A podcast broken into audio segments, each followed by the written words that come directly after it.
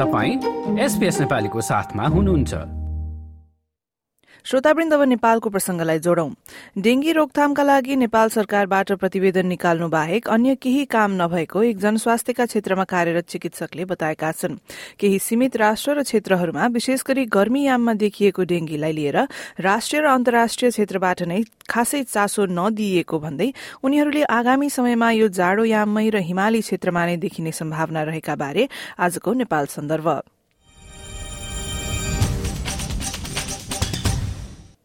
पछिल्ला केही महिनादेखि डेंगीको संक्रमणका कारण नेपालमा दर्जनौले ज्यान गुमाए भने संयौं यसका दीर्घकालीन प्रभाव भोगिरहेका छन्।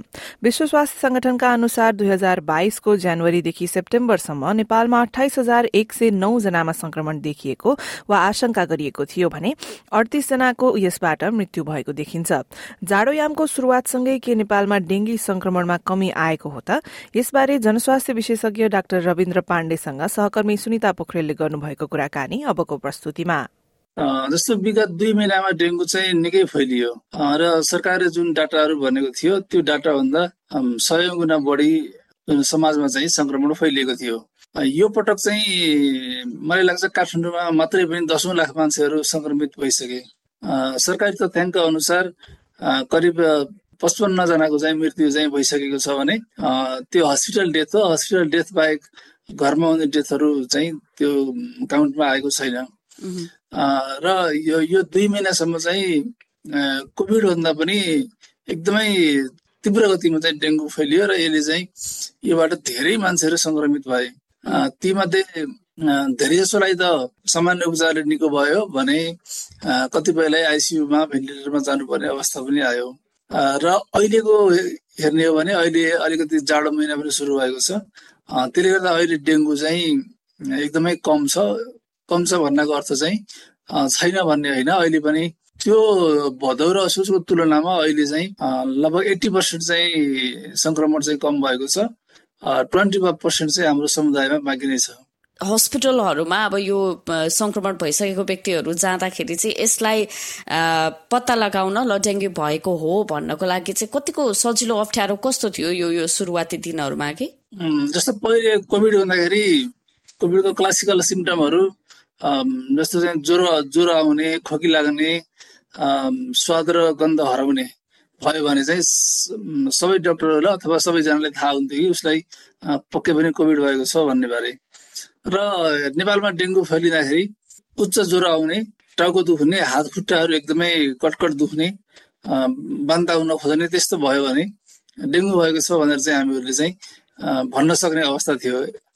त्यसको अर्थ अर्थ भनेको के भने डेङ्गु चाहिँ क्लासिकल सिम्टमहरू नै लिएर आएको थियो सुरुमा आउँदाखेरि। हामीले हेर्ने भने जस्तो दुई हजार चौहत्तर सालमा दुई हजार छत्तर सालमा पनि नेपालमा डेङ्गु चाहिँ फैलिएको थियो।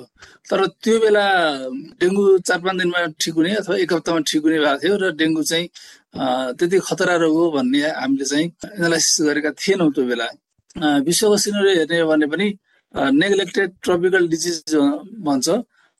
यसमा चाहिँ जस्तो डेङ्गु मलेरिया कालाजारहरू लगायत चाहिँ केही रोगहरू छन् त्यसलाई चाहिँ नेग्लेक्ट गरी मा परेका छन्।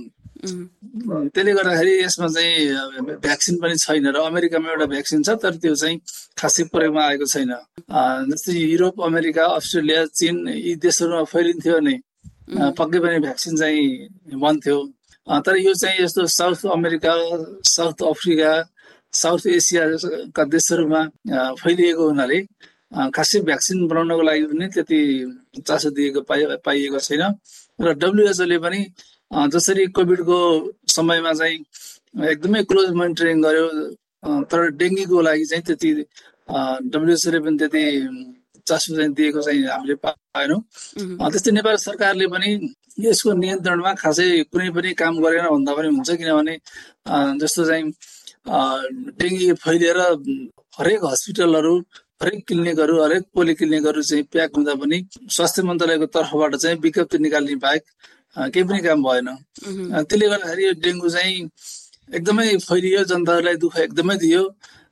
धेरै जसो चाहिँ डेङ्गीका बिरामीहरूले कोभिडमा भन्दा धेरै शास्ति पाए। र यसमा चाहिँ खास गरी डेङ्गीमा चाहिँ प्लेटलेटको मात्रा चाहिँ घट्ने भएको हुनाले प्लेटलेट घट्दै गयो भने चाहिँ प्लेटलेटको काम भनेको चाहिँ रगतलाई चाहिँ जमाउने हो। तर जब जब प्लेटलेट घट्दै जान्छ त्यसपछि रक्तस्राव हुने सम्भावना बढी हुन्छ। कसैको जस्तो नाकबाट मुखबाट अथवा बाहिरी चाहिँ पार्टबाट भएको ब्लिडिङ चाहिँ थाहा हुन्छ भने इन्टरनल ब्लिडिङ चाहिँ थाहा हुँदैन। त्यो हिसाबले गर्दाखेरि पनि प्लेटलेट कम भएर धेरै चाहिँ यङ मान्छेहरूको चाहिँ तुलना गर्ने हो भने बुढाबुढी र केटाकेटी भन्दा यङ मान्छेहरू नै मृत्यु बढी भएको छ। त्यसमा चाहिँ जस्तो संक्रमण चाहिँ भर्खर भएको छ भने एनएस वान एन्टिजेन चाहिँ पोजिटिभ देखिन्छ। यदि संक्रमण भएको छ सात दिन भएको छ भने आइजिएम जुन हाम्रो शरीरमा एन्टिबडी चाहिँ बन्ने प्रक्रिया सुरु भएको हुन्छ त्यो पोजिटिभ देखिन्छ। र निको भइसकेपछि आइजिजी एन्टिबडी रहन्छ र त्यो भनेको पछिको लागि पनि त्यो आइजिजी एन्टिबडी भइसकेपछि त्यो प्रजातिको डेङ्गी चाहिँ सामान्यतया लाग्दैन र लागिहाले पनि गम्भीर चाहिँ गराउँदैन। अब त्यही सिम्टम्सको कुरा गर्दाखेरि यसको दीर्घकालीन जुन प्रभाव रहन्छ त्यो चाहिँ कस्तो देखिन्छ डेङ्गीको? अब एकपटक यो संक्रमण भइसकेको व्यक्तिहरूलाई। डेङ्गीको चाहिँ चारवटा प्रजाति हुन्छ। चारवटा प्रजाति मध्ये जस्तो चाहिँ मलाई मानव एउटा प्रजातिले चाहिँ टोकेर म संक्रमित भएँ भने त्यो प्रजातिले मलाई चाहिँ फेरि चाहिँ असर नगर्न सक्छ। तर बाँकी तिनवटा प्रजातिले चाहिँ मलाई असर गर्न सक्छ। एकचोटि डेङ्गी लगाइसकेपछि अब डेङ्गी नलाग्ने भन्ने चाहिँ हुँदैन। प्राय जस्तो चाहिँ कोभिडमा चाहिँ निको भइसकेपछि अलिक चाँडै नै सुधार देखिएको थियो। तर डेङ्गीमा कस्तो देखियो भने डेङ्गी निको भइसकेपछि पनि जस्तो चाहिँ कपाल झर्ने त्यसपछि असाध्यै थकाइ लाग्ने हिँड्न नसक्ने आत्मबल चाहिँ एकदमै कमजोर हुने कुनै पनि काम चाहिँ गरौँ भन्ने आत्मबल चाहिँ नआउने त्यो खालको चाहिँ लक्षणहरू चाहिँ धेरै अहिलेसम्म पनि छ। र धेरै सङ्क्रमितहरूले एक महिना भयो म पहिलेको फर्ममा चाहिँ फर्किन सकेको छैन। अहिले पनि मलाई चाहिँ स्यास्या हुन्छ हातखुट्टा एकदमै गल्छ। एकदमै चाहिँ थकान लाग्छ निद्रा चाहिँ बढी लागिरहन्छ। भन्ने चाहिँ धेरैले अहिले पनि भनिरहनुहुन्छ र यसलाई चाहिँ पोस्ट डेङ्गु सिन्ड्रम भन्न सकिन्छ। एउटा मान्छेलाई चारपटकसम्म डेङ्गु हुनसक्छ भन्ने कुरा हामीले चाहिँ समाजमा चाहिँ जुन बुझाउनु पर्थ्यो र चाहिँ डेङ्गु लगाइसकेकालाई हामीले पोस्ट डेङ्गु केयरको बारेमा जसरी चाहिँ प्रचार प्रसार गर्नु पर्थ्यो। त्यो सरकारी लेभलबाट खासै भएन। डब्लुएचओबाट अथवा कुनै विदेशी सङ्घ संस्थाहरूबाट जसरी कोभिडमा सहयोग प्राप्त भएको थियो जसरी चाहिँ जनचेतनाको लागि अथवा चाहिँ आइसोलेसन सेन्टरहरू अथवा उपचारको जुन व्यवस्था थियो यो डेङ्गुमा चाहिँ पटक्कै भएन। यो चाहिँ यसले गर्दाखेरि चाहिँ जनताहरूमा चाहिँ सरकार छैन जनतालाई दुःख पर्दाखेरि सरकार छैन अथवा कोही पनि छैन भन्ने त्यो खालको चाहिँ फिलिङ भएको धेरै मान्छेहरूले हामीलाई बताएको छ।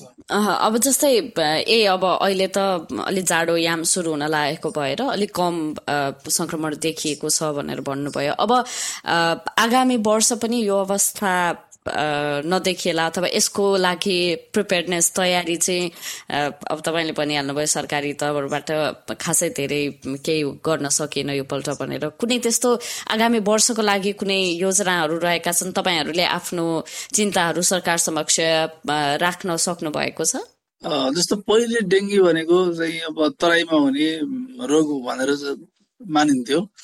जस्तो इन्डिया बङ्गलादेश जस्ता चाहिँ अलिकति गर्मी हुने देशहरू नेपालको तराईमा हुने गरिन्थ्यो। तर अहिले चाहिँ डेङ्गी नेपालको सबै जिल्लाहरूमा पुग्यो। हिमाली जिल्लाहरूमा पनि पुग्यो।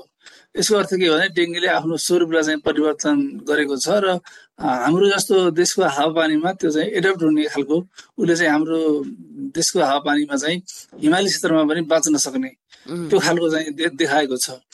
र यसको असर चाहिँ गत सालहरूभन्दा अहिलेको चाहिँ धेरै गम्भीर देखिएको छ। योबाट चाहिँ हामीले के बुझ्न सकिन्छ भने डेङ्गी चाहिँ जस्तो प्रत्येक साल हुनसक्छ अथवा पुरानो हिस्ट्री हेर्ने हो भने प्रत्येक दुई तिन वर्षमा चाहिँ हुनसक्छ डेङ्गी। र डेङ्गीलाई जस्तो चाहिँ हामीले पटक पटक भनेका थियौँ सरकारले चाहिँ जसरी घरहरूमा चाहिँ फर्मिङ गर्ने जस्तो चाहिँ धुवा चाहिँ निकालेर जस्तो फगिङ गर्ने त्यस्तै चाहिँ बाटोघाटोहरूमा चाहिँ डिजिटी मालाथिन लगायतका चाहिँ कीटनाशक औषधिहरू छर्ने पानी जम्ने खाल्डाहरू चाहिँ सबै ठाउँमा चाहिँ पुर्ने झ्याङहरू काट्ने यसरी चाहिँ स्थानीय सरकारले पनि वडा वडामा काम गर्न सकिन्थ्यो। त्यो गरेको भए अर्को साललाई पनि डेङ्गी जुन हुर्किने बस्ने त्यो ठाउँहरू चाहिँ नष्ट हुन्थ्यो र अर्को साल चाहिँ नहुन सक्थ्यो। तर अहिले ती कामहरू पटक्कै भएनन्। त्यो नभएको हुँदाखेरि यो चाहिँ अर्को साल पनि आउन सक्छ या जाडोमा पनि यो चाहिँ फाटो चाहिँ देखिन सक्छ। किनकि अहिले पनि जाडो महिना हो तर पनि डेङ्गी देखिरहेछ।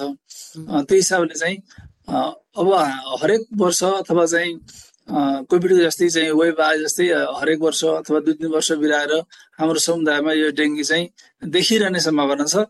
र यसको रोकथामको लागि सरकारले चाहिँ जसरी कोभिड रोकथामको लागि चाहिँ विभिन्न नीतिहरू बनेका थिए त्यस्तै विभिन्न नीतिहरू बनाएर काम गर्ने हो भने हामीले रोक्न सक्छौँ। किनकि जस्तो चाहिँ यो चाहिँ देखिने चिजबाट सर्ने हो लामखुट्टे। जसरी कोभिड चाहिँ देखिँदैन थियो तर यो देखिने चिजबाट सर्ने भएको हुनाले हामीले चाहिँ जनचेतनामा यसको चाहिँ कीटनाशक औषधि प्रयोगमा र यसको चाहिँ पसार रोक्नको लागि चाहिँ विभिन्न किसिमको काम गर्न सकिन्छ भने नेपालले जस्तो चाहिँ डेङ्गीमा खासै यसको चाहिँ औषधि अब केही पनि छैन यसको यसमा चाहिँ प्यारासिटामोल खाने। मात्रै हो। त्यो भएको हुनाले सरकारले चाहिँ डब्लुएचओसँग कोअर्डिनेसन गरेर यसको भ्याक्सिनको लागि चाहिँ पहल गर्ने हो भने नेपालले भारतसँग पनि पहल गर्ने हो भने पक्कै पनि भारत त्यति ठुलो जनसङ्ख्या छ। भारतले पनि भ्याक्सिन बनाउन सक्छ। त्यो गर्ने हो भने चाहिँ हामी सुरक्षित हुन्छौँ। तर सरकारले चाहिँ प्रायोरिटी दिएन भने हरेक साल चाहिँ सङ्क्रमण बढ्दै जाने। यो प्रजाति झन् चाहिँ यसले आफ्नो स्वरूप परिवर्तन गर्दै जाने भएको हुँदाखेरि यो जनस्वास्थ्यमा ठुलो समस्या हुन सक्छ